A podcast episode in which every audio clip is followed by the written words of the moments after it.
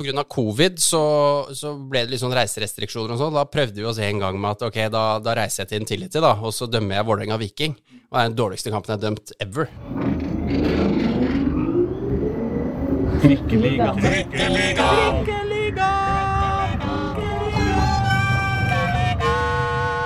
Mine damer og herrer og andre, velkommen til Trikkeligaen sesong 5, episode 6 i Dagsavisens eminente podkast om Oslo-fotball og deromliggende herligheter. Jeg heter Aslak Borgersrud, med meg har jeg Pål Karstensen. Hei, hei. God morgen til deg, og også Reidar Solli. God dag, god dag. Og i dag vet dere, så har, vi, så har vi en gjest eh, av en type som vi aldri har hatt før i denne, denne poden. Vi, uh, vi har hatt både spillere og trenere og synsere og uh, fysioterapeuter, holdt jeg på å si, og uh, direktører og alt mulig.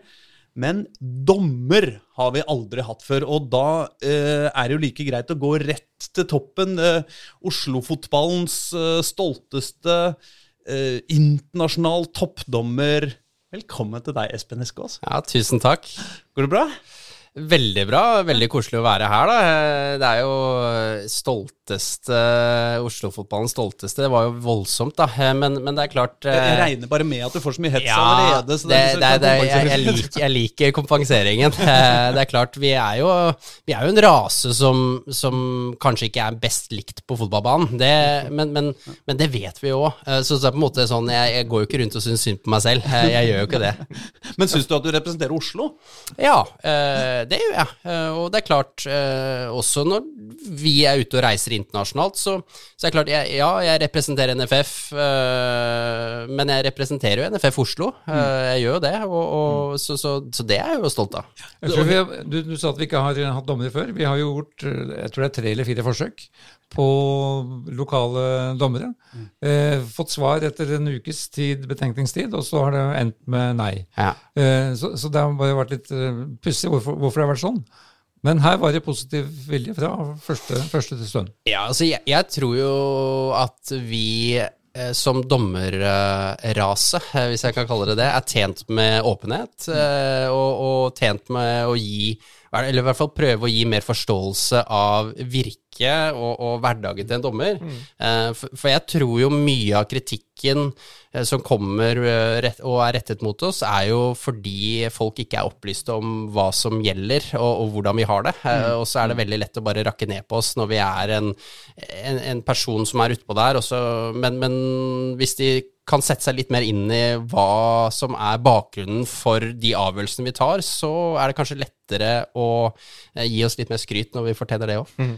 Kan det være det som er eh, grunnen til at så, eh, så mange i fotballen er så mot uh, VAR, altså mange supportere og sånn, er jo at uh, egentlig så er vi jo så glad i dere som punchingball. Ja. Altså, Vi syns det er så deilig å hate dommeren, på en måte. Vi, altså, ja. Å øse ut, brøle fra tribunene, ikke sant? Et sånn derre jeg mener, Det er jo ikke sånn at vi egentlig syns dommer er en dårlig idé i fotballen, men det er så deilig, liksom. Ja. Er, er det, hvordan er det å være offeret for den? Det er jo en snodig Ja, snodig nå er det jo liksom VAR-dommeren som du skal gå rundt ja, og hate. Ja, det er veldig deilig. Eh, bare kaste det vekk på, på vedkommende. Men, men, det er jo riktig som du sier, og, og trenere og er jo verdensmestere til å etter kamp legge fokus over på en, en, en spesifikk situasjon i kampen som de mener var uh, avgjørende for kamputfallet, istedenfor å ha fokus på de 89 minuttene laget spilte dårlig. Da. Uh, så, uh, så, så, vi er jo på en måte en, en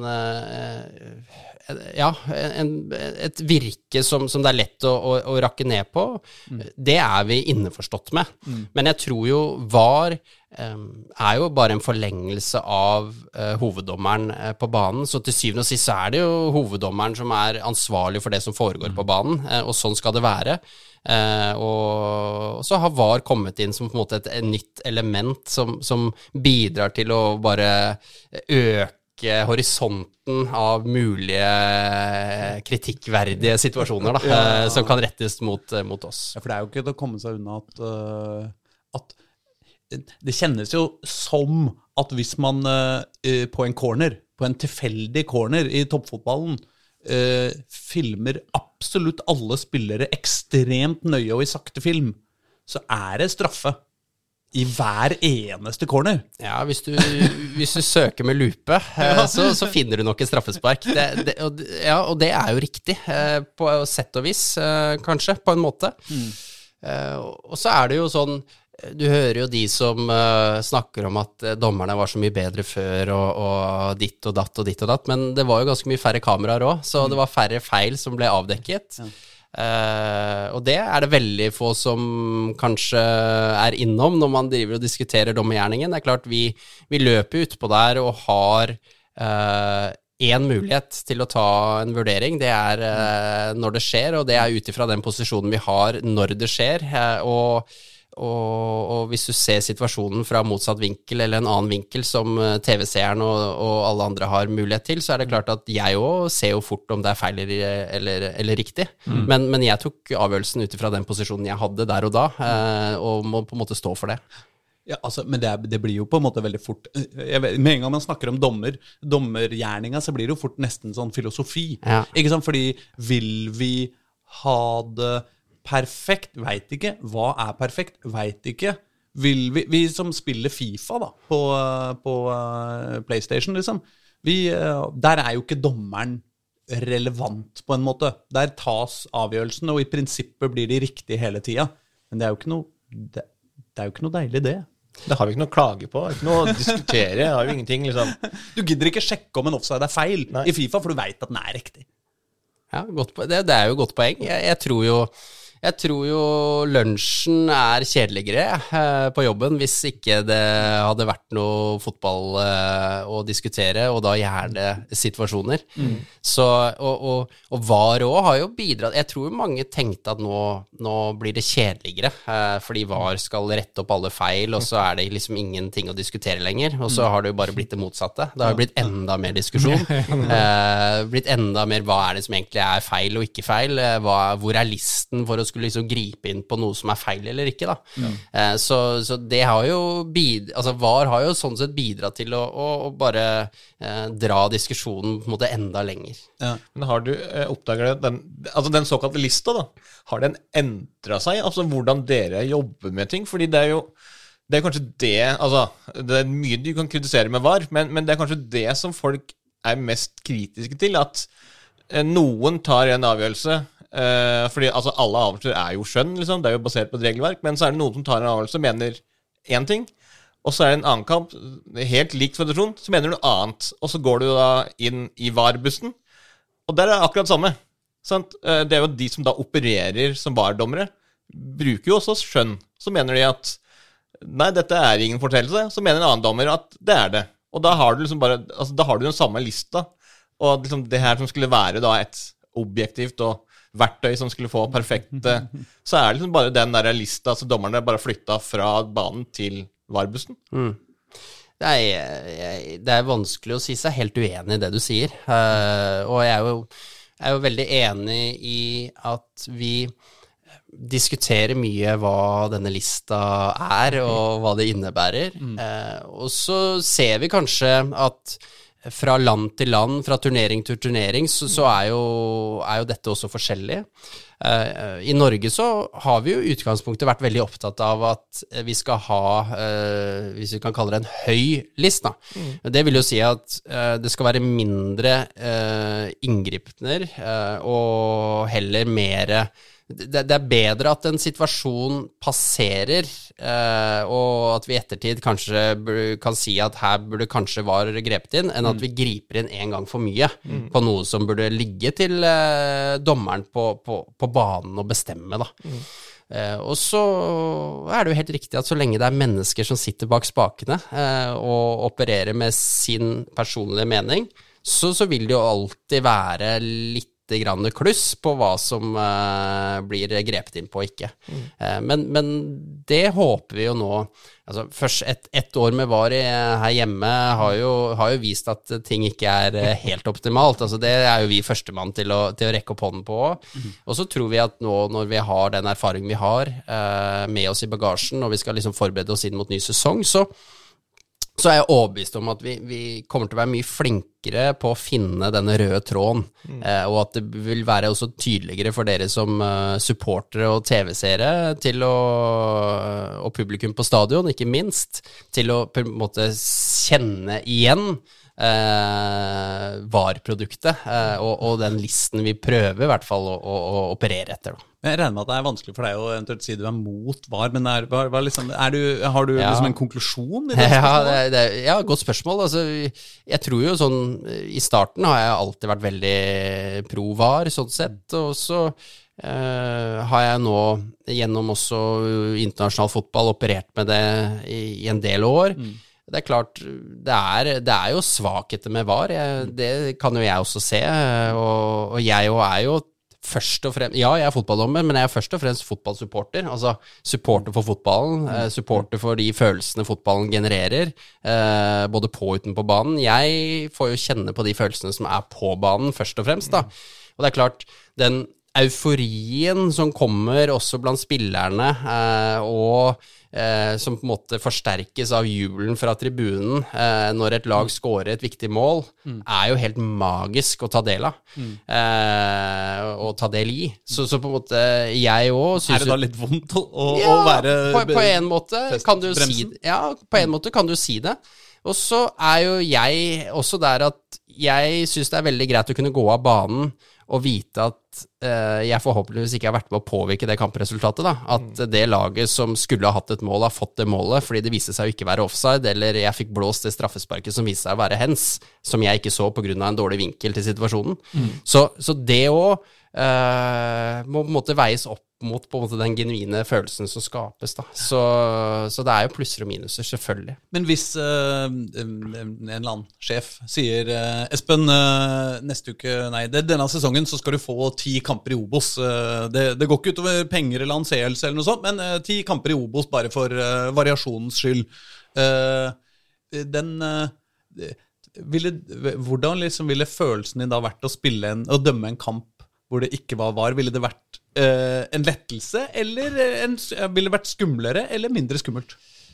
Oi, ja, det, det er jo eh, en problemstilling jeg ikke har tatt uh, veldig stilling til. Uh, det er klart um, når vi dømmer treningskamper og inn mot sesongen, så er jo det også uten VAR. Så, så, og, det er jo kanskje viktig å påpeke at selv med VAR, så, eh, så skal jeg snakke for meg selv, selvfølgelig. Men, men jeg, jeg tror jeg har de fleste dommerne med meg når jeg da sier at vi, vi går jo ut på banen eh, med fokus om å, å, å dømme fotball og ta avgjørelser eh, ut ifra det vi ser på banen, og ha egentlig så lite fokus på at du har noen som sitter og overvåker deg. Eh, fordi jo mer energi og fokus du bruker på, på de som sitter i varrommet, jo større sannsynlighet er det for at du tar dårlige avgjørelser på banen. Eh, så, så det er jo fokuset. og eh, så, men, men det å dømme kamper i Obos uten VAR eh, jeg, jeg håper ikke jeg hadde gjort så mye annerledes, eh, men jeg vet ikke. Eh, men jeg håper ikke. Men for det må jo være et sikkerhetsnett, mener jeg. At du, du veit at liksom Ok, nå er det ti folk inni den boksen der. liksom Om en av de henser, så kommer sannsynligvis VAR til å ta det. Og hvis ikke VAR tar det, så er det i hvert fall ikke eh, noe skam at du ikke sånn, liksom. Ja, det, og, det, og det er jo et poeng, men, men jeg ønsker likevel å uh, altså legge til rette for at jeg skal være i best mulig posisjon til å ta den vurderingen selv. Altså jeg Ja, er- du har et sikkerhetsnett, men, men eh, hvis jeg går av banen og jeg har måttet vært ute på skjerm for å se en situasjon på nytt, så, så er ikke jeg noe fornøyd, for da har jeg på en måte bomma. Selv, men, men jeg er fornøyd med at laget fikk mulighet til å få det straffesparket eh, som jeg skulle ha gitt dem. Det er jeg fornøyd med. At eh, ingen kan klandre meg for det, men jeg klandrer meg selv for at jeg ikke fikk det med meg. Eh, det hadde jeg kommet til å gjøre. Eller det gjør jeg. Men, men har du noen gang eh, Altså Vi veit jo, eh, vi som sitter på tribunen, at hvis det, det, det kommer en sklitakling midt på banen, ikke sant, og så eh, blåser eh, dommeren eh, frispark, og så venter han, eh, venter han litt, og så ser du dommeren holder seg til øret, og så begynner han å gå mot skjermen. Da veit vi at nå er det rødt kort. Å, dæven. Ikke sant? Eh, hender Altså, har du eh, i en sånn type situasjon da, hvor, hvor det er åpenbart på en måte Her mener VAR at det er eh, at det er rødt kort. Det er ikke sånn VAR spør deg da er, kan dette være rødt kort. Det er jo VAR, det hadde, VAR hadde jo ikke tatt deg ut der hvis de ikke mente dette er rødt kort, Espen. Espen. Eh, har, du, be- har du sagt eh, nei, glem det til dem? Uh, nei. Uh, og så har jeg jo faktisk ikke vært oppe i en situasjon hvor det har vært en rødkorttakling da, som, eh, som på en måte har blitt gjort om pga. VAR. Så det er jo noe jeg må erfare òg. Altså for det, dette med VAR og forskjellige situasjoner er, altså det er erfaring hele veien å komme opp i situasjoner. Jeg, har- jeg har hatt de, de gangene jeg har vært ute på skjerm, eh, er egentlig først og fremst av hens, nesten. Så jeg må vel jeg, Hens i boksen, egentlig. ja, så jeg må vel erkjenne at jeg kanskje ikke er så god på hens, da. Eh, Eller i hvert fall jobbe for å få det med meg bedre. Men, men jeg har ikke bank i bordet vært borti noen rødkorttaklinger. Det har jeg ikke ennå.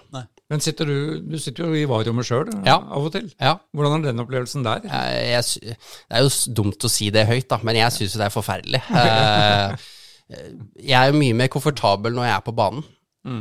for da er jeg litt sånn herre over det som skjer. Eh, kan skylde meg selv hvis det går gærent, eller Men som, som VAR-dommer så, så må du liksom du, du, du følger med på hva noen andre gjør, eh, og så eh, skjer det en situasjon, eh, og så må du se denne på nytt, og, og samtidig så, så vet du at i hvert fall her i Norge da, så har det jo vært ekstremt mye fokus på dette med tidsbruk.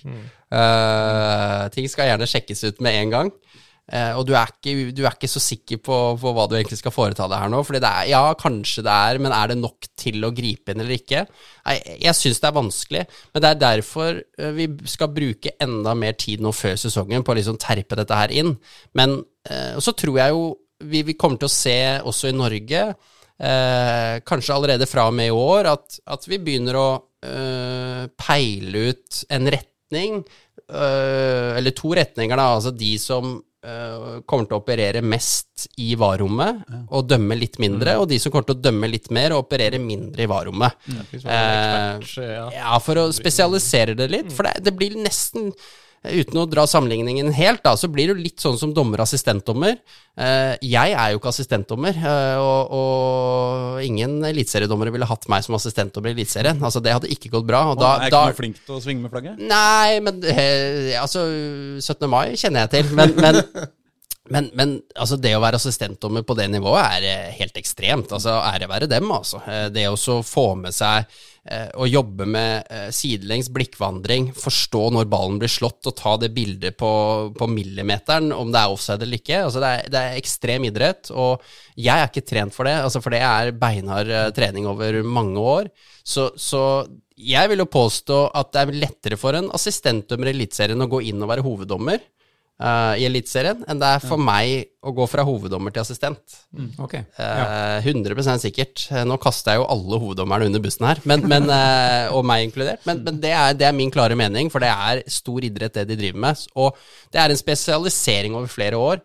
Og det tror jeg vi kommer nå til også å se i forhold til VAR. At det er på en måte Det er et nytt element i dømmingen som krever spesialisering. Så ærlig må vi være.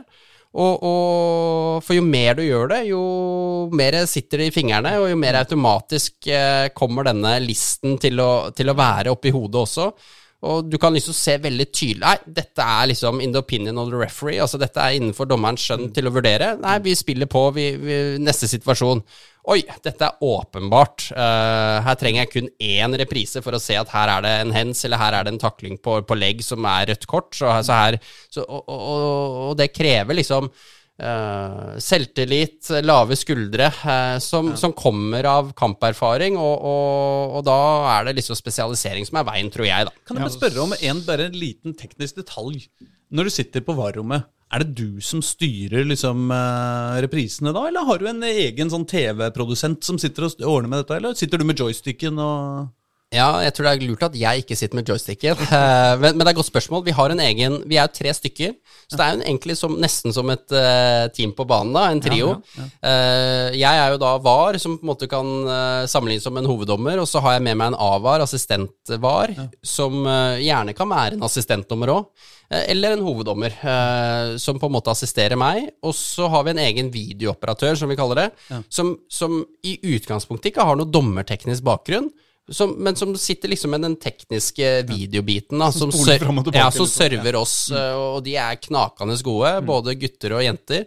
Som, som, eh, som på en måte fòrer deg de bildene og de vinklene du trenger. Eh, og, og de har jo det er vel egentlig ingen av de som har noen voldsom øh, dommerfaglig bakgrunn, men, men gjennom en sesong da, så har jo de også lært seg til å skjønt hva er det vi er ute etter når vi skal se noe på nytt.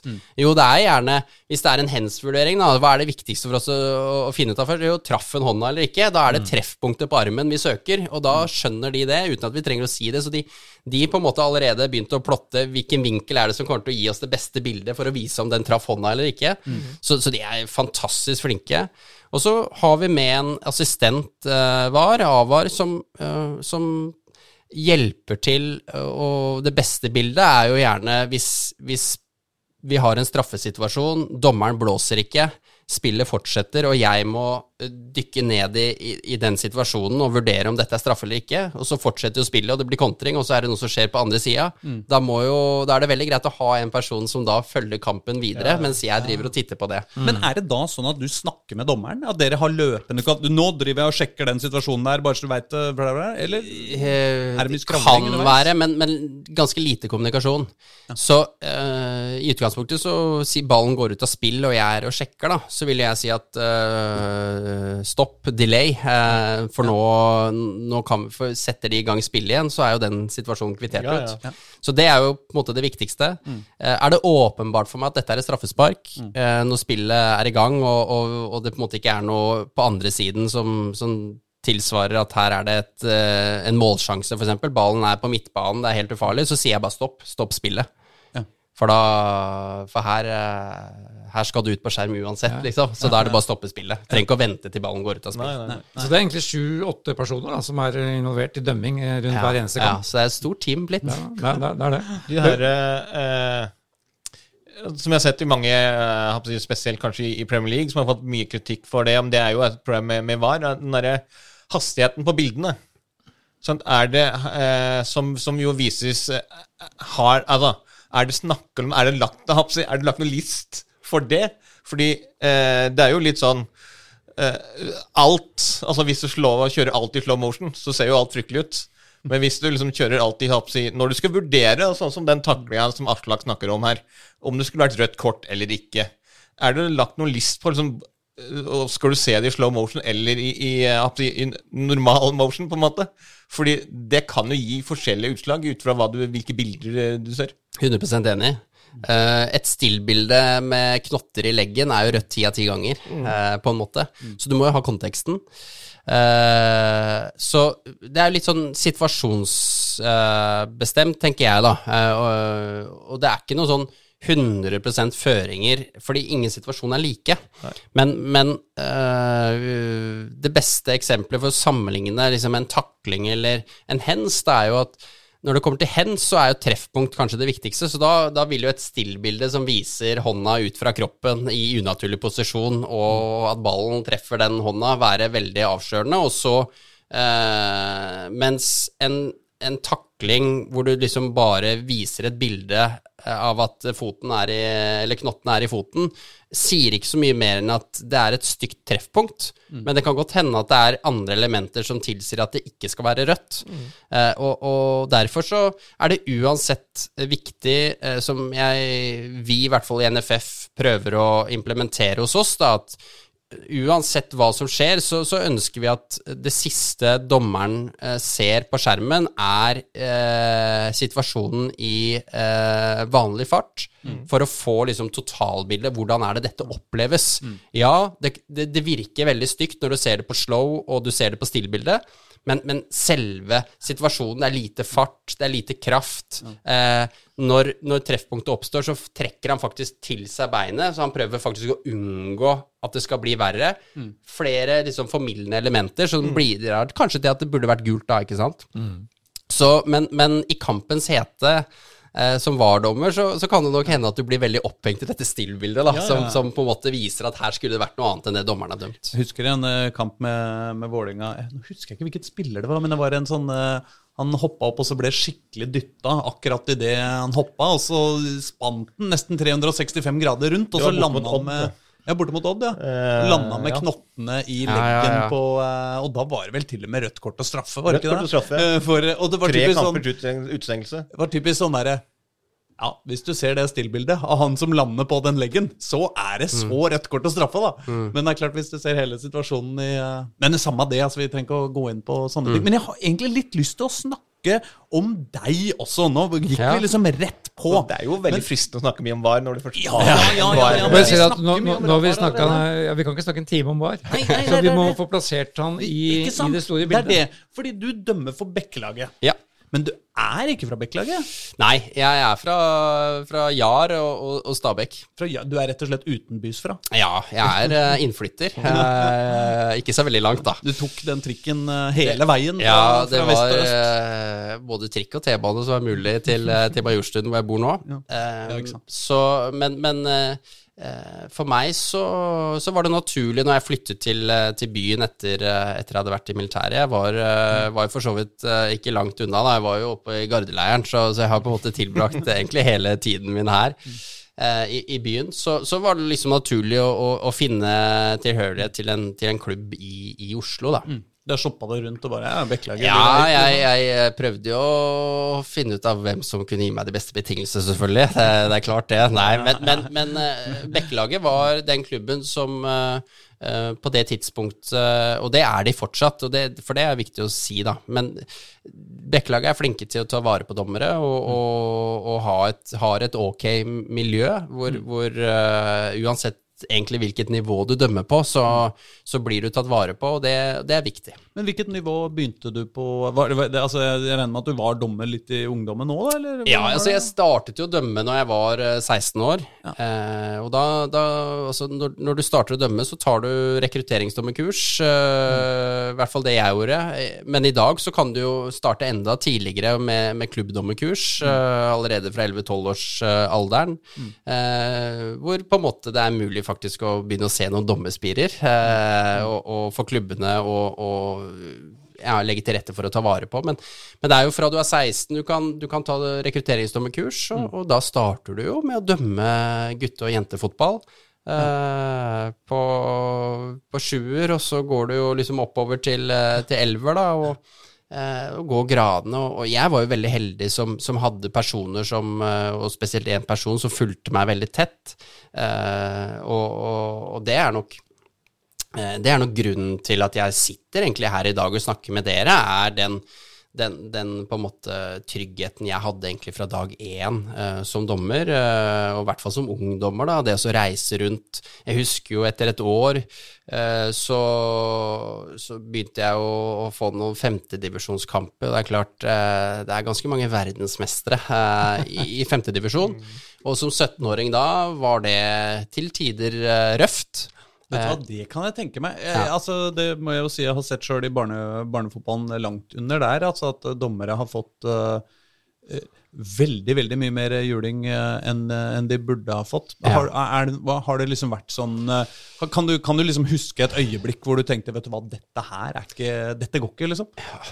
Jeg skulle gjerne Eller det er jo bra at jeg egentlig ikke har det. eh, men jeg skulle gjerne hatt det for å kunne liksom belyse det litt. eh, men, men igjen, jeg har nok vært skånet for det verste.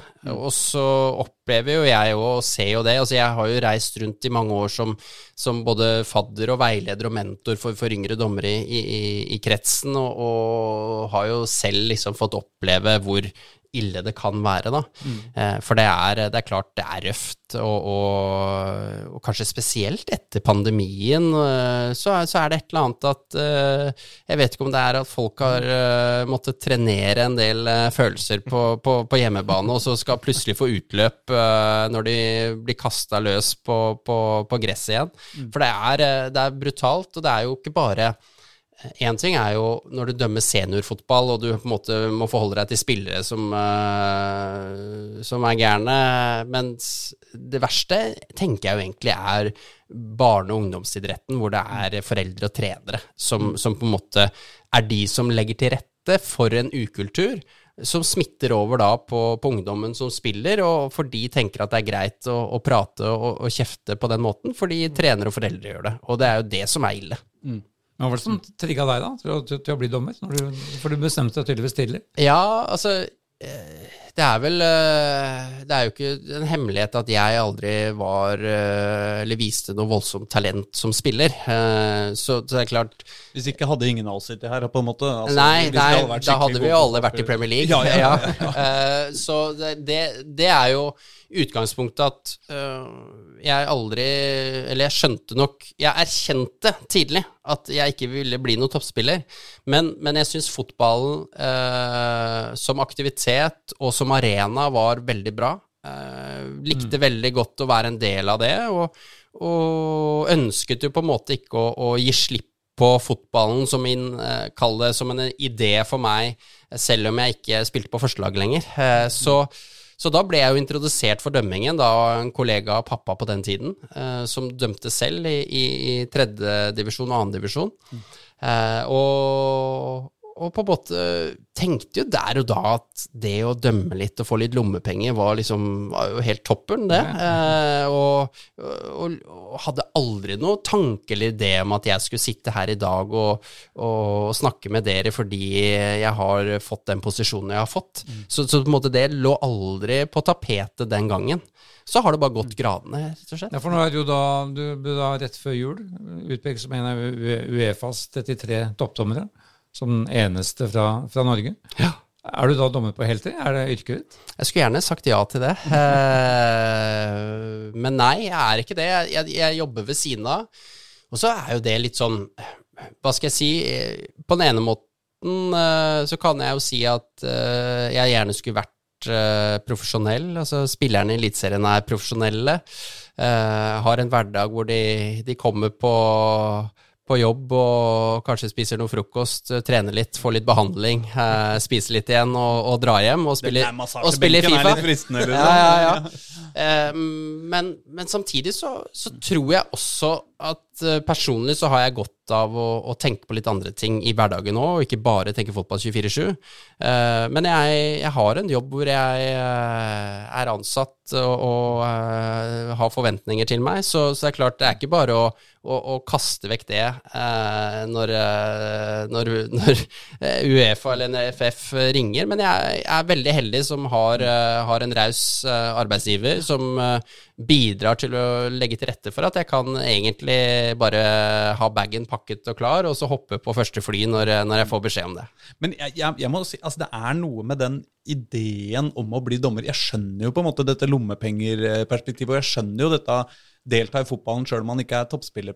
liksom. Men, men, men det er jo noe med det derre eh, negative utgangspunktet i dommergjerninga. på en måte. Litt sånn som å bli politi, på en måte. Man skal leite etter feil hele tida. Man skal Ja. finne måter å straffe folk på. Man skal ha det blikket hele tida. Det derre hvordan kan jeg straffe deg, ødelegge moroa, pla... eh, Skjønner du hva jeg mener? Jeg, jeg, jeg, parodierer det litt. Ja, nå, men- jo, jeg skjønner jo på en måte øh, hvor du vil hen. Og så tror jeg jo, eller jeg håper at ingen i utgangspunktet blir dommer fordi de elsker å dømme folk, eh, på en måte. Det ligger jo litt i navnet. Ja, jo, jo.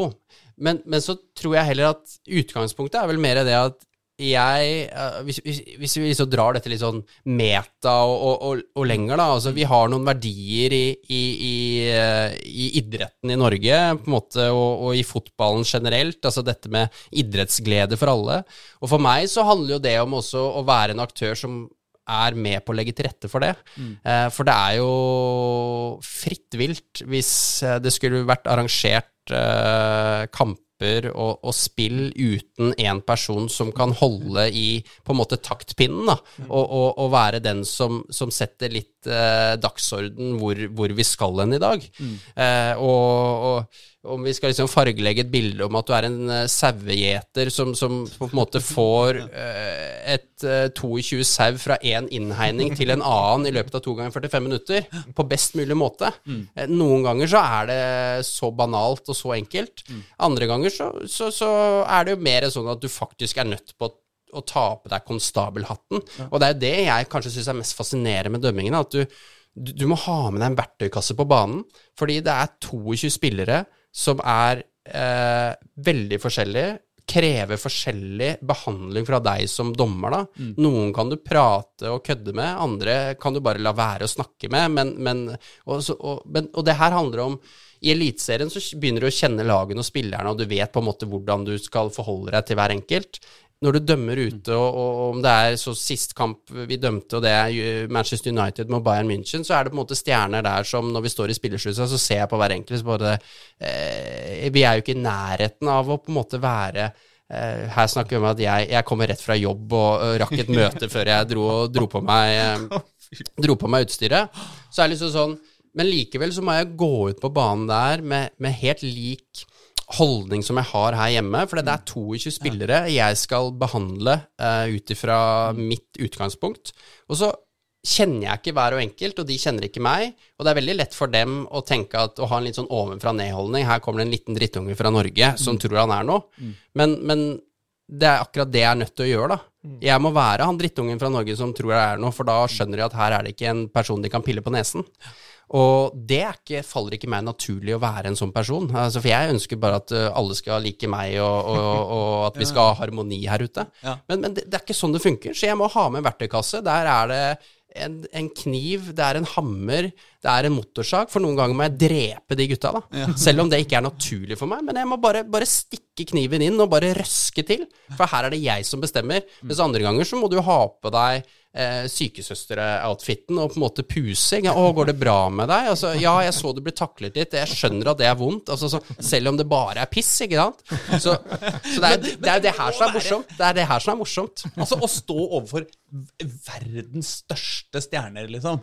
Eh, altså på Bayern München og Manchester United altså Dette er jo, dette er jo folk som, som du sannsynligvis bare har lyst til å ta selfie med, eller kanskje til og med bare ta på skulderen til, og kunne si til eh, ikke sant, eh, eh, familien at 'jeg har tatt på' ikke sant, Bruno Fernandes, eller whoever, da.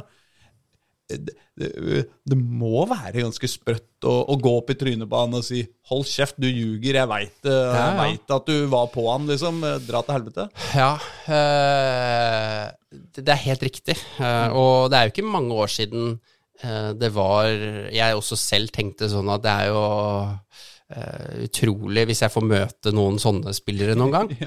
Eh, og så, så handler det liksom om at uh, jeg, jeg må være en, en sånn person som, som utstråler en sånn trygghet eh, overfor de gutta at det er faktisk de som må synes det er fett å ta selfie med meg etter kampen.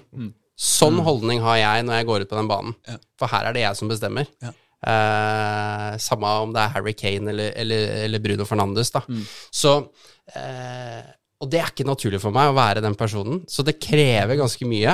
Så det er jo sånn, når, når jeg da blåser av kampen og går inn i garderoben, så er jeg ganske kaputt, altså. For det, det, det, du har jobbet Én ting er det fysiske i kampen, ja, tempo og, og Altså, det, eh, det er jo noe høyere enn det du er vant til hjemmefra òg, eh, men men det er kanskje mer den der psykiske belastningen, fordi du bruker så mye kognitiv energi på å på en måte hele tiden jobbe med hvem skal du være i de forskjellige typer situasjonene som oppstår, mm. at, at du er helt kaputt, altså. Du skal ikke antyde overfor eh, superstjerner at eh, du syns det er litt stas. Det, det, Eh, det nei men, men, men det er jo Det som er stas, er jo å få lov til å være på den største scenen. eh, og ta del i det. Og, og det å bevise overfor egentlig norske supportere at eh, norske dommere hører hjemme på den scenen. Eh, for vi er jo dømt nord og ned eh, av Gud og hvermann. Så, så det er jo egentlig det som gjør meg mest stolt. At vi kan gå ut på der, være oss selv. Eh, få lov til på en måte å, å, å være liksom lillegutt fra Norge, men, for, men likevel eh, ikke lar seg pille på nesen. Men det blir jo mer stas for oss da, når, det, når du kommer og dømmer eh, Eliteserien etterpå. Så, å ja, stemmer det! Espen, ja, han har jeg sett på Hoho, hoho, ja, han eh, fløy rundt på og dømte den Champions League-kampen. Men er det noe handikap for deg at, du, at, at Norge oppfattes som en liten fotballnasjon? Eller er, det- har Haaland og Ødegaard justert inntrykket nå? Jeg vil jo si både ja og nei. Eh, det har jo klart noen fordeler ved å, å være i en nasjon hvor uh, ligaen uh, i den nasjonen uh, er relativt eh, høyt oppe på, på rankinglisten. Jeg, jeg tror det er uten å, uten å skulle på en måte spekulere eller forskuttere eller tenke noe om det, så, så er det nok lettere for en engelskmann, brite, eh, altså spanjol, italiener, eh, franskmann å få de beste kampene i, i Europa, eh, i turneringene der, eh, kontra det å være fra Norge. Samtidig så tror jeg det er en veldig stor fordel å være fra Norge, fordi det er veldig sjelden Norge kvalifiserer seg til eh, mesterskap. Det er veldig sjelden eh, norske lag kvalifiserer seg til Champions League. Så, så jeg er jo attraktiv for Uefa så lenge jeg viser at jeg er god nok til å dømme de største kampene. Så er jeg veldig attraktiv, for jeg kan dømme hvilken som helst kamp.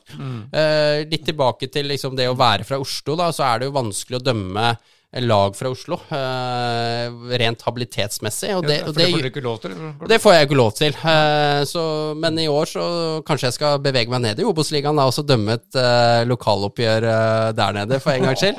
men, men, men, men sånn internasjonalt, så, så Så lenge jeg viser meg god nok, så er jeg attraktiv både for Uefa og Fifa, fordi det er sjeldent interessekonflikt eh, ved å sette på, på en nordmann på banen. Hvor lang tid i forveien får du vite om en Champions League-oppdrag? Eh, Altfor kort. Alt for kort, Eh, par uker, kanskje. Ja.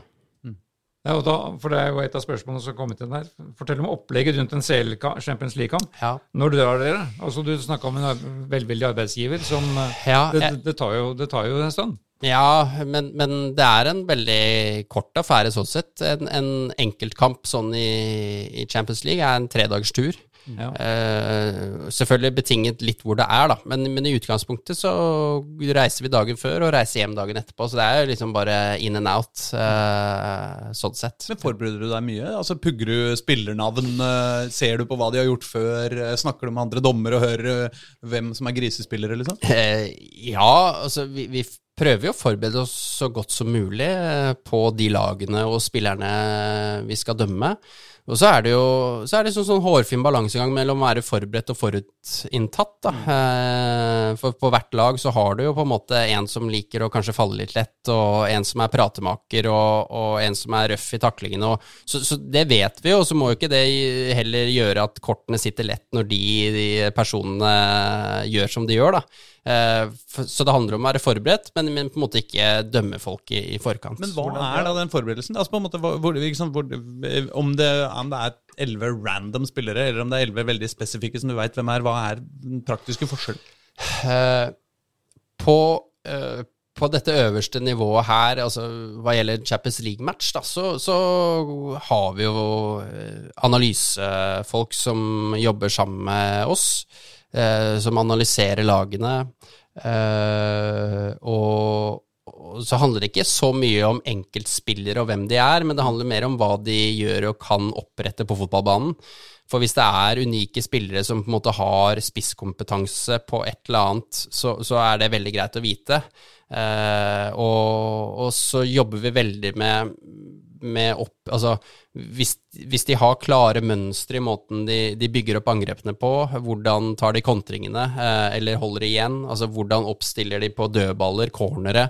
Eh, kommer corneren fra høyre, og det er den spilleren, så er han venstrebent, og da er det innsvinger, og da kommer corneren gjerne på bakre. Er det, er det høyrebent, så det, går den utover, og da kommer den gjerne på første stolpe. Sånn litt ut ifra hva jeg kan forvente, og hvor jeg bør plassere meg for å være best mulig forberedt til å ta en vurdering. Så, så det er ganske på Så, så vi er ganske liksom på dypt nede i materien på, på enkeltspillere, ut ifra hvilken situasjon vi er oppe i, da. Så er Vi må, vi, ja, vi må litt innom den der eh, Du nevnte situasjoner. eh, Finalen i U21-EM, som du dømte i, Ja. i, i fjor. Ja. England-Spania. Du ga ut var det fire, fire røde kort. Eller? Ja, jeg var eh, eh, For en gangs skyld så husket jeg å ta med kortene den kampen der.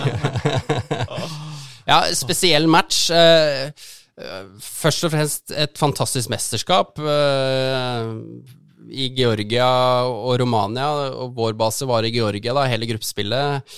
Eh, Og, og, og bygde igjen der liksom sånn stein på stein gjennom uh, gruppespillet. Og, og der er det jo liksom sånn, som for lagene, egentlig, at vi er en pool med dommere som er tatt ut i mesterskapet, uh, som at det er en pool med lag som har kvalifisert seg. Og så er det et gruppespill, eh, og de to beste lagene går videre. Og sånn er det litt med dommerne òg, at eh, de beste dommerne går videre. Og så er det de to beste som, som er til slutt, og så var vi heldigvis gode nok til å få lov til å være det teamet som var til slutt. og den, altså Finale lever jo ofte sitt eget liv, eh, så sammenlignet med hva vi var vant til i ellers turneringen, så ble den finalen veldig mye røffere. Eh, og, merket at spillerne var utrolig nervøse. og når spillerne er nervøse, så gjør de mye rart. Eh, så, så det var liksom Spesielt Spania var, var veldig, veldig sånn Hadde høye skuldre, og så hadde du briter som egentlig var litt sånn nesevise og, og, og rekte tunge. Eh, så, så det var jo det som var problemet i den kampen, at du England tar ledelsen eh, rett før pause, og du har en da målskårer som velger liksom å løpe forbi den spanske benken og, og feire og hovere litt, da, som er med på at det eksploderer. Og der ser du liksom hvordan en situasjon som du som dommer egentlig ikke har kontroll over eller eier i det hele tatt, kan være med på å fucke opp hele matchen. da. Eh, så ble jo ikke matchen fucket opp i den uh, ordets rette forstand, uh, men, men det dannet grunnlaget for at det ble litt mer vanskelig enn vi kanskje så for oss. Eh, og, og disse kortene som kom, eh, det var to direkte røde. Det var til eh, to trenere. en på hver, en på hver bekk. Ashley Cole var vel en av dem? Ja, han var, han var en av de. Og så var det to røde til, som var faktisk det andre gule på to eh, spillere som har byttet ut. Altså de hadde fått gult kort på banen, oh, ja. og så fikk de sitt andre gule på benken, og så resulterte det da i rødt kort. Ja, altså.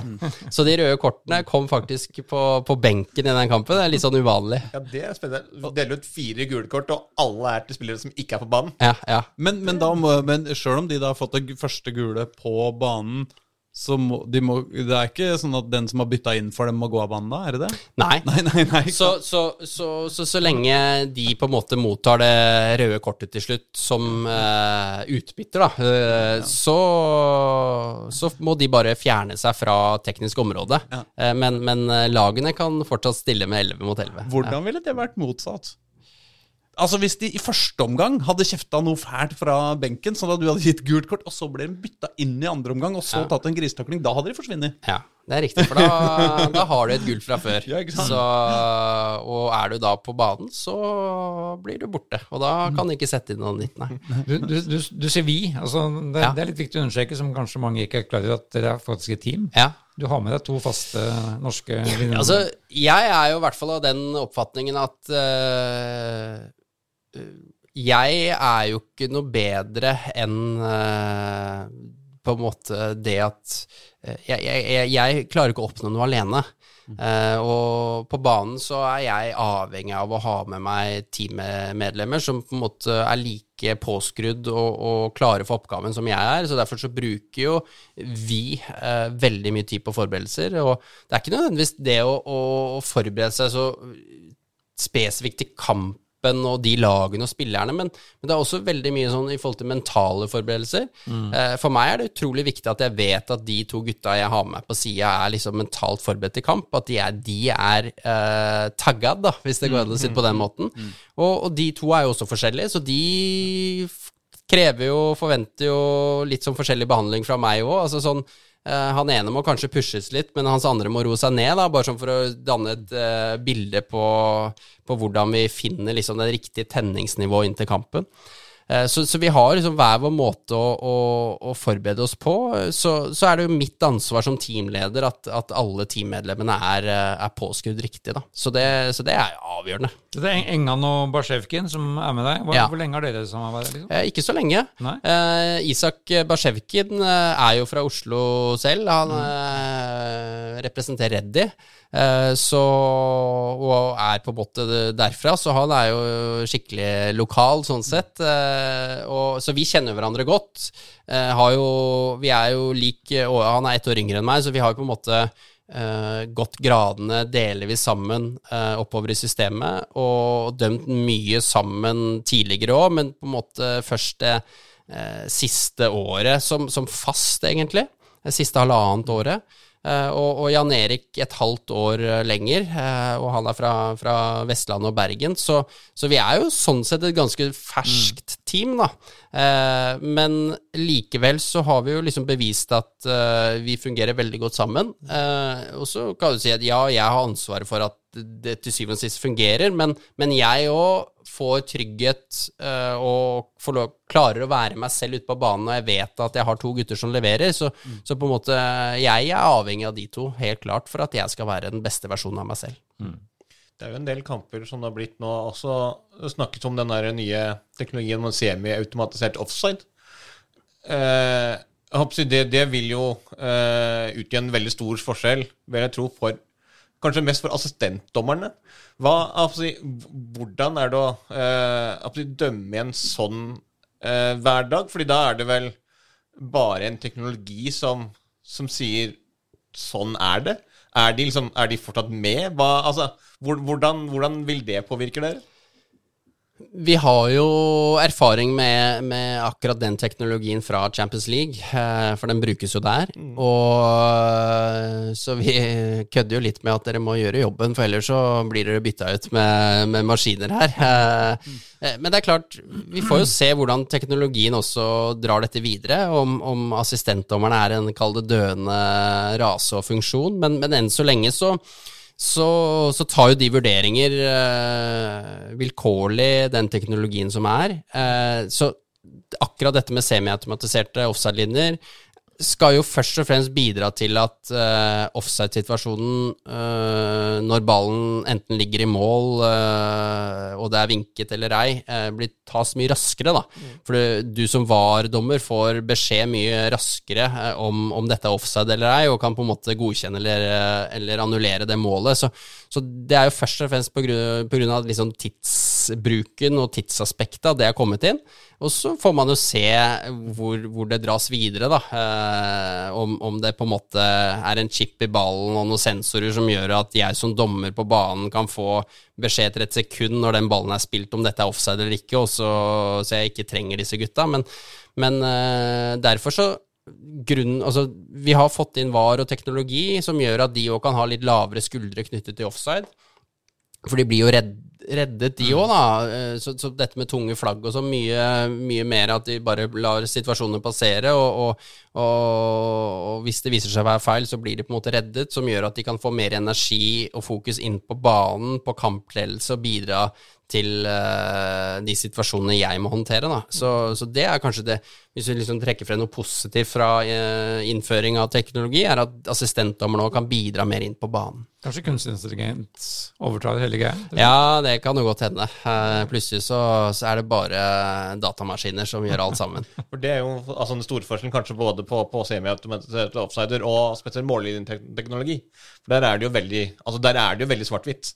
Altså, for der er det jo sånn at da, da får jo du en en beskjed i klokka som durer at nå er det altså, nå er det sånn det er. Og, og det er sånn det er. Liksom. Da er det ikke noe det er ikke noe, Trenger ikke tenke på det, trenger ikke å vurdere det. Da er det liksom Jeg husker nå et øyeblikk med en viss norsk keeper i eh, Aston Ørjan Villa, Nyland, Ørjan. Nyland, ja, som hadde pressa ballen så hardt inn mot stanga fra helt feil side at han greide å ikke bli eh, det gjorde jo at de rykka ned. mållinjeteknologi. ja, det, Og det gjorde jo at de ikke rykka ned den sesongen. Ja, og det, det er jo eh, Det viser jo også at det, ja, en sjelden gang så, så feiler også teknologien, da. Så, men det er, jo, det er jo noe i det vi Altså, i Champions League, i Europa League, eh, i Premier League for den saks skyld, så, så løper vi rundt med klokker som, uh, som på en måte gir deg beskjed om den ballen er passert mållinjen eller ikke, og det er jo det, er jo, det også for en assistentdommer er jo liksom deilig å slippe å være den som skal avgjøre de millimeterne, da, om den ballen var ikke eller eh, inne eller ikke. Ja, det tror jeg på. Er, eh, jeg har noen spørsmål der fra, som jeg har fått, fått inn. Ja, ja, ja, kjør på. Olsen eh, sender jo alltid spørsmål til oss. U19-finalen eller Old Trafford, hva var kuleste dommeroppdrag i, i fjor? Nei, vi var, jo, vi var jo utrolig heldige som fikk oppleve masse. Eh, og, og liksom eh, Fascinerende hvordan liksom høydepunktene kom eh, rekende på en fjøl der. Så, så alt fra U21 eh, på sommeren og, og hele høsten som på en måte ble avsluttet med, med Old Trafford, det var jo spesiell. Men eh, så, så selvfølgelig United, Bayern eh, stor kamp, store lag, og den betydningen kampen hadde, og måten vi på en måte gjennomførte den kampen, var fantastisk. Eh, så, så, som, som enkeltkamp så, så peiler den seg selvfølgelig ut, men, men det er klart, eh, fem uker i Indonesia eh, på U17-VM eh, var veldig spesielt på, på så mye mer enn bare fotballnivå. Så, så, så det er jo et mye sånn større minne jeg kommer til å liksom, ta med meg hele opplevelsen eh, fra, fra Indonesia, eh, helt klart. Er EM, EM 16, VM Nei, hva sier jeg? EM, hvor er vi nå? EM 24? Det er 24, VM 26? Noe liksom du tenker, tenker på? Som Ja, altså Det rare er at hadde du spurt meg for et halvt år siden, så hadde jeg ledd og, og tenkt at det var helt utopisk. Eh, nå sitter jeg her ganske offensiv og, og tenker at eh, det er ikke utenkelig. Eh, klart det er langt frem, og, og, mye skal klaffe, og, det skal være mye stang inn eh, for at eh, det skal, eh, det skal la seg gjøre. Men, men vi er i hvert fall eh, i posisjon eh, og blitt eh, plutselig en kandidat, og det var vi ikke for et halvt år siden. Så, eh, så mye har jo skjedd, eh, og, og det gjør jo også at det er mye motivasjon i treningsarbeidet for tiden. Eh, Det er lett å tenke at uh, selv om du har hatt en uh, røff dag på jobben, så, så er det lett å gå på tredemølla og, og ta de intervallene, fordi du vet at det potensielt kan ligge en gulrot der fremme. Også et annet, det, har vært mye fokus på Oslo-fotballen, som du riktignok ikke får lov til å dømme, men, eh, men det har vært mye voldsepisoder og, og bråk. Hva er det beste rådet du kan gi til, til eh, fremtidige norske eh, som vil gå inn i dette yrket? Eller det er jo ikke yrke, da, men en hobby. Ja, det er jo først og fremst forferdelig at uh, enkelte opplever dette og blir utsatt for diverse. Uh, både fysisk vold, men også psykisk uh, vold, om det er i sosiale medier eller på annen måte. Så min, min, min beste oppfordring er jo først og fremst faktisk å, å rapportere dette her og, og, og, og melde ifra, for jeg, jeg tror det er ekstremt mye mørketall. Eh, Dessverre. Eh, mange som vegrer seg for å si fra eh, hva de har opplevd. Eh, og, det tror jeg kanskje er det viktigste. At flere tør å stå frem og si fra. Og, og, og så har jeg en oppfordring til både krets og, og forbund om å, om å slå mye hardere ned på både lag og, enkeltspillere som, som beviselig ikke klarer å oppføre seg. Jeg, jeg synes det er uh, altfor uh, for få og for milde uh, straffer til uh, de som eh, ja, velger å, å være en idiot, og, og det syns jeg er synd. Så, så det er på en måte en kombinasjon med at uh, jeg håper uh, de unge dommerne, og det jo, gjelder jo ikke bare unge, men kretsdommerne, på breddedommerne, uh, tør å, å ta kampen og, og stå i det og si fra. Og så klar oppfordring til de som styrer med dette her, at de må, de må være røffere. Men har du, har, har du fått, fått juling noen gang? Eller uh, Aldri. har Jeg har aldri vært borti-? Aldri vært borti noe fysisk uh, selv. Uh, det er klart, uh, jeg, hva gjelder liksom hets og den type ting, så er det jo egentlig nå på toppnivå jeg har fått mest, og det er jo like ille ute som, som, som hjemme. Det er jo, så ser du jo så er det stor liksom forskjell på Du kan se når, når på døgnet ting er sendt. Altså Er det sendt fem minutter etter kampslutt i affekt, så, så kan du liksom ta det litt lettere på det enn de som faktisk har uh, fått sovet på dette her, men likevel dagen etterpå sender av gårde et eller annet. Uh, altså da, da er det jo mer en diagnose. Uh, så, så til syvende og sist så er det jo dem det er noe synd på. Men Eh, hvis eh, det også er nivået på hvordan breddedommere blir behandlet, så er det klart at det er ille. Altså jeg, jeg har jo gjennom mange år nå i toppfotballen fått dessverre altfor hard hud eh, og dotter i øra til at det her preller veldig enkelt av meg. Men, men jeg forstår jo Men der er vi individuelle, ikke sant. Så, så det er jo mange som dessverre kjenner det mer på kroppen enn det kanskje jeg gjør, og det er klart de må vi beskytte, fordi eh, dommere er en mangelvare, og jo tidligere idrettsledere, trenere, eh, daglige ledere eh, og, og, og oppmenn, eh, oppkvinner, hvis vi kan kalle det det, eh, forstår det, jo bedre er det, fordi det er til syvende og sist idrettsglede for alle, og det gjelder også vi dommere. Jeg kan jo også tenke meg at det er et perspektiv med et, ganske heftig minoritetsperspektiv her òg. At, at når, man, når man er hvit mann som dommer, så gir jo det en, eh, kanskje en annen eh, posisjon enn eh, folk med forskjellige typer minoritetserfaring, holdt jeg på å si. Er det noe du, dere kjenner på? Ja, det kan jo godt hende. Jeg har i hvert fall følelsen at nå har jeg jo altså Både i, toppfotballen, men også i, i breddefotballen, så har jeg masse bekjentskap og kollegaer fra, fra alle både samfunnslag og, og utgangspunkt. og Eh, Og kanskje mer enn noe sted så er jo Oslo et uh, senter for alle mulige kulturer, uh, og, og, og det mangfoldet det innebærer. Eh, Og, og det er jo på godt og vondt. Eh, være seg om du er en dommer, eh, eller om du dømmer et lag eh, med spillere fra, med et annet utgangspunkt eller annen kultur. og Eh, Så, så på en måte, det er jo det som er utfordringen, kanskje spesielt i Oslo, da, at det er noen ganger um, språkbarrierer så, og misforståelser som kan kanskje være med på å, å eskalere situasjoner uh, unødvendig, fordi eh, det er en usikkerhet knyttet til hva som faktisk blir sagt og gjort. Uh, noen sier noe, eh,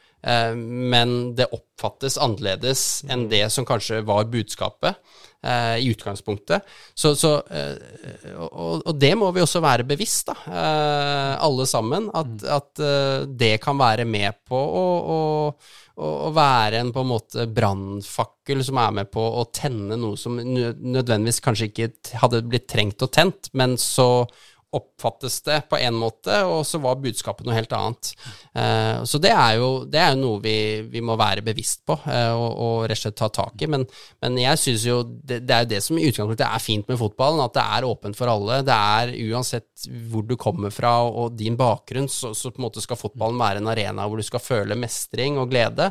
Eh, og, og det gjelder også for dommerne, da. Så uansett om du er født og oppvokst der eller der, så skal du på en måte få lov til å ha de samme eh, verdiene med deg og, og det samme utgangspunktet. Og så må alle eh, være liksom sitt ansvar bevisst for å liksom legge til rette for at vi skal kose oss. Jeg bare kan tenke meg at øh, ja, altså damer, øh, for den saks skyld, seksuell legning, hudfarge ja, Det er liksom Jeg kan bare tenke meg at øh, det kan være hardere å stå i for, Ja. øh, for, øh, for mange å være dommer. Garantert, og, og fotballen speiler jo egentlig samfunnet for øvrig, ikke sant? Altså, så, så eh, hva som gjelder her, eh, eller hva som gjelder i samfunnet for øvrig, blir jo kanskje bare enda mer forsterket i fotballen. All den tid det er eh, gutteklubben og garderobekultur og det man gjerne snakker om, da, som på en måte noe for det er liksom, det er dannet oppe og vedtatt at det er liksom, det er barskt og, og det er gutta.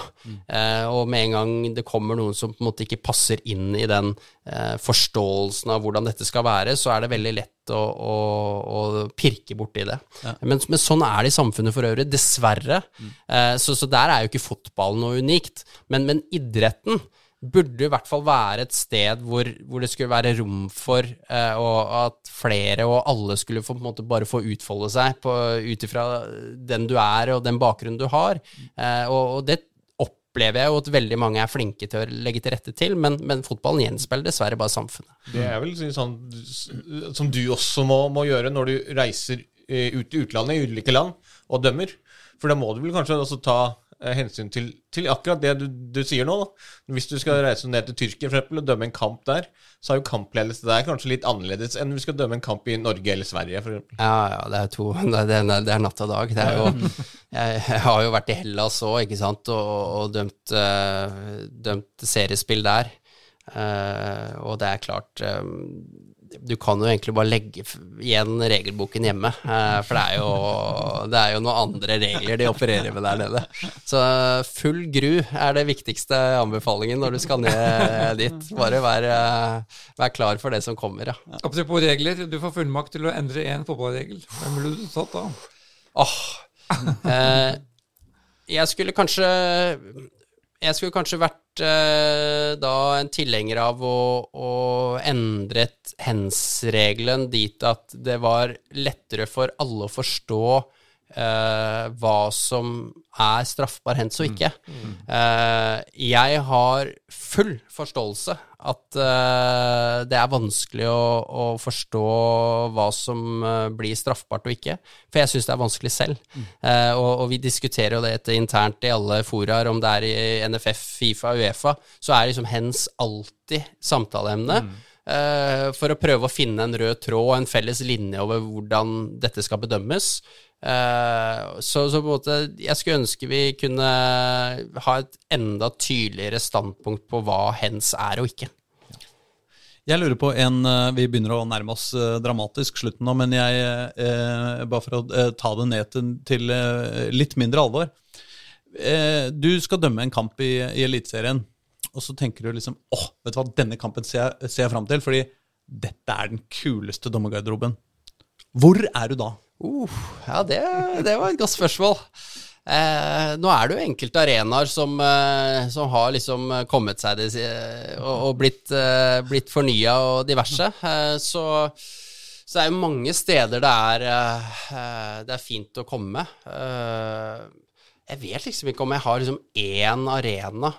Og jeg, men jeg ønsker jo ikke å kaste eh, noen under bussen heller. Men, men det er kanskje det, det er nesten lettere å si det motsatte. Ja, hvor, er det, hvor er det og, og, og den går jo til våre venner i Buskerud. Uh, og altså Strømsgodset, fantastisk klubb og, og veldig varm klubb. Alltid velkommen der. Er masse fantastiske folk i klubben. Men den dommergarderoben er horribel, altså.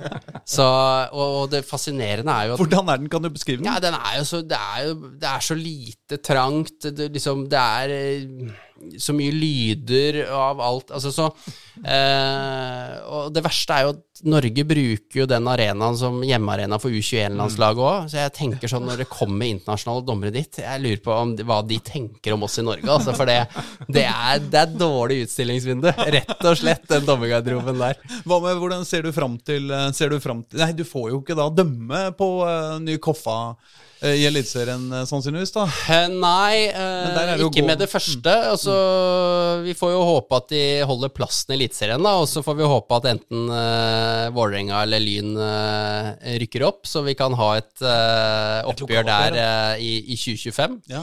Eh, Eller så kan det hende at det er en cuprunde jeg får lov til å, å løpe ut, ut på matta. Det er, jo, det er jo naboklubben min sånn sett, da. eh, Og er jo i sterk konkurranse med Bekkelaget om, om, om om spillerandeler, hvis det går an å si det sånn, eh, der oppe. Og så, og så tror jeg Bekkelaget er veldig opptatt av å, å være en breddeklubb og, og, legge til rette for de som kanskje faller fra satsingen i KFM. Altså, Så sånn sett så tror jeg de også samarbeider litt med å, med å være, være liksom eh, Ha tilbud på, til riktig person. Altså er du interessert i å, å drive med aktivitet eh, på et lavterskelnivå, så er det liksom Bekkelaget som gjelder. Og, Men er du den som ønsker å satse og, og har en far som står på sidelinja og pisker deg, så er det Koffa som er, eh, er tingen, da.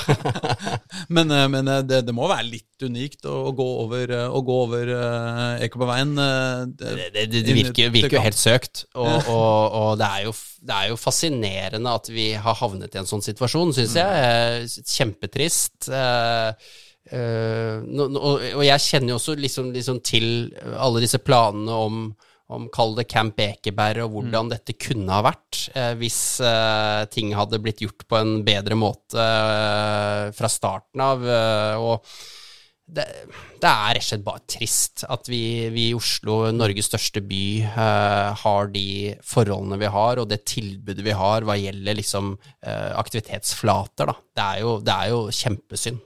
Men det er jo litt kos òg, da? Det er jo, det? jo, det er sånn sjarm. Altså, jeg husker jo, husker jo Mjøndalen når de bygde ny stadion, og vi måtte ha garderober i gamle hallen der, og vi også måtte over veien der. Så jeg har jo har liksom vært med på konseptet, da.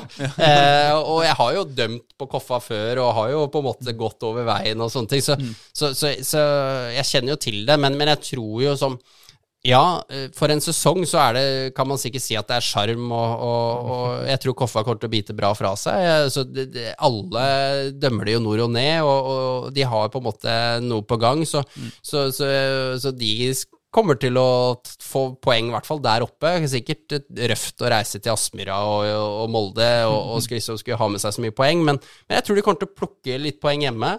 Eh, Men, men, eh, og, og, men beholder de plassen, og, og vi må fortsette i 2025 å gå over den eh, veien, så, så er det bare trist, altså. Du, du snakka om rammebetingelser kjapt. Hva, hva er tariffen i år for en eh, eliteseriekamp? Uh, ja, det er et godt spørsmål. Eh, Vi er vel i noen forhandlinger, kanskje, om okay. det skal ja, ja, jeg, jeg, Hva var det i fjor, da? jeg er faktisk usikker uh, på hvordan det ligger an nå. Vi, Er det Dommernes Fagforbund? Er, er vi har en egen forening Ja. eh, som er veldig bra, og som drives veldig godt. Et styre der som, som jobber selvfølgelig for våre betingelser og rettigheter. Så, så jeg holder meg litt sånn unna, unna det arbeidet. Eh, Hva var det i fjor, da? Nei, det er vel eh, vi, vi får vel eh, betalt rundt eh, 16 000-17 000 eh, en plass. så Uh, tror jeg. Uh, jeg, jeg jeg dømmer nå kampene, og så kommer det noe penger inn på konto. og Mest, ligaen?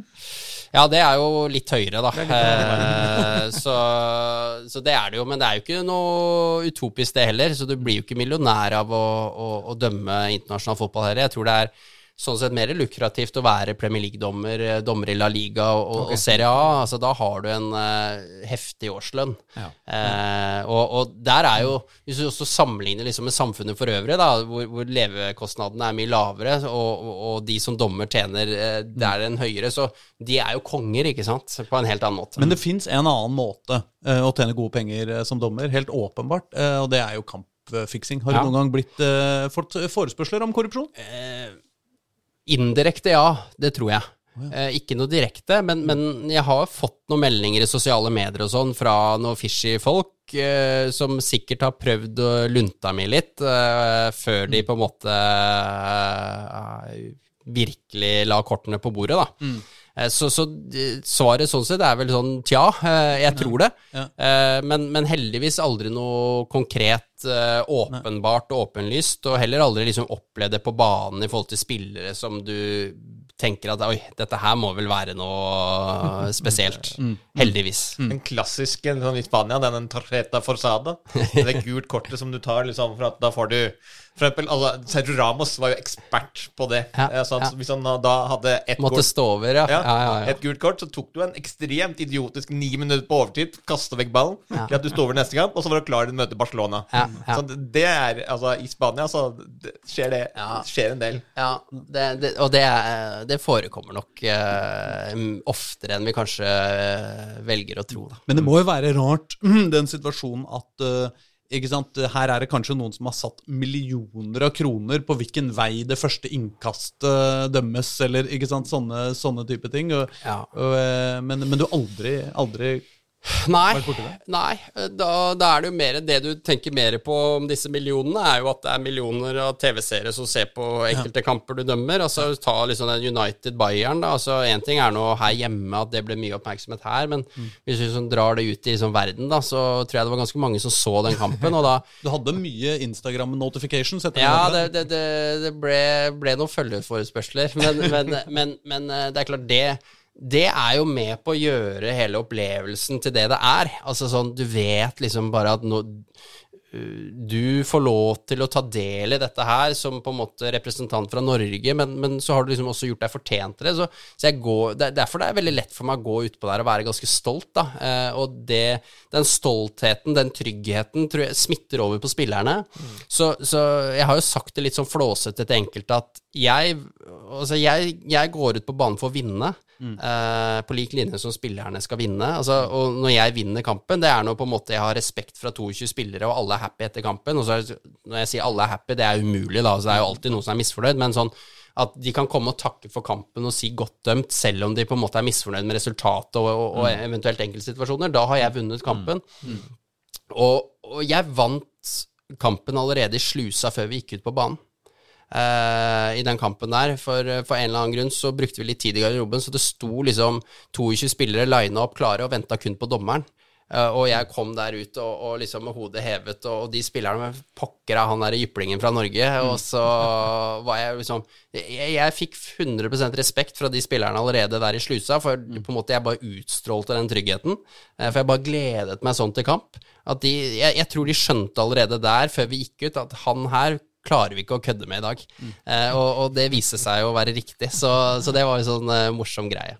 Hvordan er det liksom å eh, Sånn som type sånn sutrekopper, da. Ja. Som Bruno Fernandes, som vi jo ser eh, hver eneste, altså for hver eneste dommer. Ja. Hvordan er det å behandle sånne typer? Fordi altså, som kaptein så føler han at han altså, både har liksom en eh, en rettelig, men som person så virker han jo å være litt sånn innpåsliten som, som dommer. Ja, han eh, kan jo være en håndfull. Eh, og så handler det om å på en måte prøve å behandle han eh, med respekt, samtidig som at du ikke kan møte hver diskusjon, da. Så ofte så, så, så på en måte du hører mye sånn jabbing i, i, i bak, bak deg, for han sutrer og klager, men så bare løp unna. Eh, For hvis du møter han hver gang, så ser han at ok, han dommeren her kan jeg prøve å overtale eller overbevise til et eller annet. Så, så det er egentlig bare å stikke, da. Og noen ganger så må du bare eh, be han eh, ja, enten ditt eller enten datt. Eh, Men det er vanskelig, det er ikke så lett. Nå kjenner jeg at jeg er spent på hva datt er. Ja. Men, men det får vi komme tilbake til neste gang, fordi at nå er tida, tida vår ute. Men tusen hjertelig takk for at du kom. Tusen hjertelig takk for at jeg fikk komme. Og så har du en morsom podd som heter Dommerjævel. Som, eh, som vi blir oppfordret Og da får vi høre mer fra deg og dine kollegaer. Ja, altså nå er det jo en, vært lenge siden siste episode. Jeg, jeg prioriterer heller å komme her enn å spille en egen episode. Men, men, men, men ja, eh, jeg tror mange kunne hatt eh, mye glede av å høre på noen av episodene der, og, og for å få litt mer innblikk i, i, i på en måte både spesifikke kamper og situasjoner, men også vår hverdag. Da. Så, så takk for eh, shout-out til den. Flott. Topp! Ha det! Ha det. Ha det. Du har hørt en podkast fra Dagsavisen.